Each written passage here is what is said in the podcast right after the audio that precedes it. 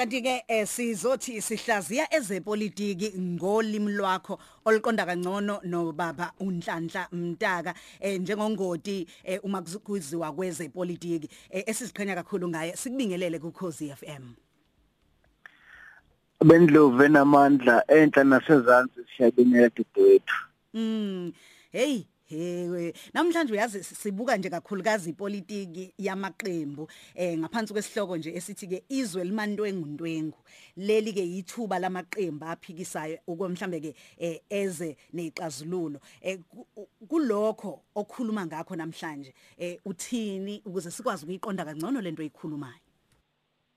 Asiqale dadewethu sivume ukuthi inhloso yokuthi kube namaqembu amaningi futhi kube namaqembu aphikisayo ngaphansi kwenqubo yedemocracy kwabe kuwukuthi lamaqembu angaphikisi nje yonke into eshiwo iqembu elibusayo kepha kwakuwukuthi aqhamuke nezixazululo uma isibhajiwe inqola eqenjini elibusayo ngoba uma sebese parliament yize behlukene ngembono kodwa basuke bemele futhi besebenzela isizwe noma izwe lelo. Ngakho ke amaqembu ke aphikisayo ayisithako eh nesinongo esimqoka eh kudemocracy ngoba iwona enza kume uhulumeni.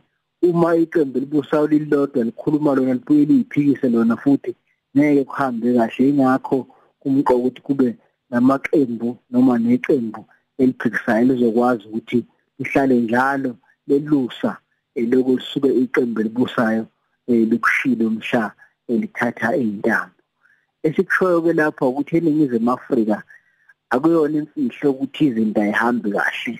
Kuvuma lona iqembu elibusayo lithi umnotho uguqile kuvuma lona iqembu elibusayo lithi ubugebengu amadla amadla egwavuma aseliphethizwe ngoba eh, eh anobugebengu kuzo zonke inhlaka zikahulumeni. Kuvuma lona iqembu elibusayo ukuthi eh kuye inhlaka lezi eh, zikahulumeni amabhizinisi kanye nezokuphepha eh nobulungiswa kubuye kube nenhlese eh yepolitiki yamaqembu eh kakhulukazi evela ngakubo. Umongameli nje weqembu libusayo uye lapha uzondo washo wanekeliza yonke. eh konakalaphi lithi ke lami ngoba useshile amaqembu ke lawa aphikisayo akuyayeka ukuphula aqhamuke nesixazululo. Kuke kube namahloni amangalisayo uma silalela elinike iqembu eliphikisayo ithuba lokuthi aliphawule lelimane likhuluma indaba zeqembu elibusayo ngani sesiyizwile ngani selivumile ukuthi kunenkinga wena ke qembu eliphikisayo sitshene phela ukuthi wena uthi akuyiphi khona sizobona ukuthi sikufake noma singakufakini manje amaqembu aphikisayo achitha isikhathi angena indaba zakweminye imizi engabe aqhamuka nemiqondo yawo ngoba phela alapha nje ukuze akwazi ukuthi akhwezele uma umlilo usonhlinhla eh lapha ekuphathweni kwethu. Akhwezele uma umlilo usonhlinhla lapha emnothweni wethu. Manje asizwa lethu kunete nje anike umbhobho umholi weqembu elibuso elephikisayo angene indaba zakwamakhelwane kuleli elibusayo angasitsheli ukuthi yena eh uthini ngalesimo sikusona izwe bakithi mantongintweni ake baqhamuke nexazululo Mm. Usasho kanjalo mfoka Mtaka ngibuke enye into engathi sivele nje yayo usiko ukuthi abantu hayi ngalo baba mkhulu leli kusuka ubaba besaphila waye kulo leli qembu. Noma ngilibona ukuthi liyehlathini ngihleli la angisuki ngoba into yasekhaya nomkhulu wayeyilo ngani siyakubona nasemaqenjini eh kanobhutshuzwayo eh mthiya abantu balandela iqembu ngisho seliyise selimanxeba nxeba ubona akusekho lutho balandele nje iJesu ukuthi hayi salithenga eminyakeni eyishumi edlule mm. nakhona sinikwa ubaba iphutha ke lelo ibangela ngesifo senhliziyo mm. eh uma ulokulandela into engekho yiko ke kodwa ke baze balandela into engekho nje ngoba nale abacabanga ukuthi ngayisixazululo ayisho lutho. Lithe lama amaqembu aphikisayo iwona eazenzela phansi.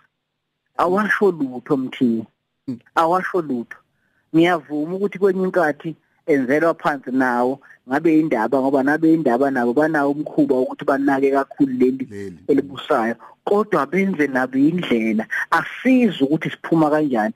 Yiko ngithi asethubeni eliyingqayizivele vele Mm. kuvume umengameli weqembu elibusayo ukuthi siguqe ngedolo. Yeah nithini nina? Sekuphela isonto yakhuluma uRamaphosa egonyuluka umuntu wabantu ethi eh, isimo sinjani? Asikezwa lutho. Kunalokho unaida nika umbhobho nje akhuluma indaba zawo ANC singezwe ukuthi yena siphuma kanjani Ukuthi- lento ngoba sisemgodini bakithi hey mfaka siyabonga but asiqhubeke sixoxe naseinkundleni zokuxhumana.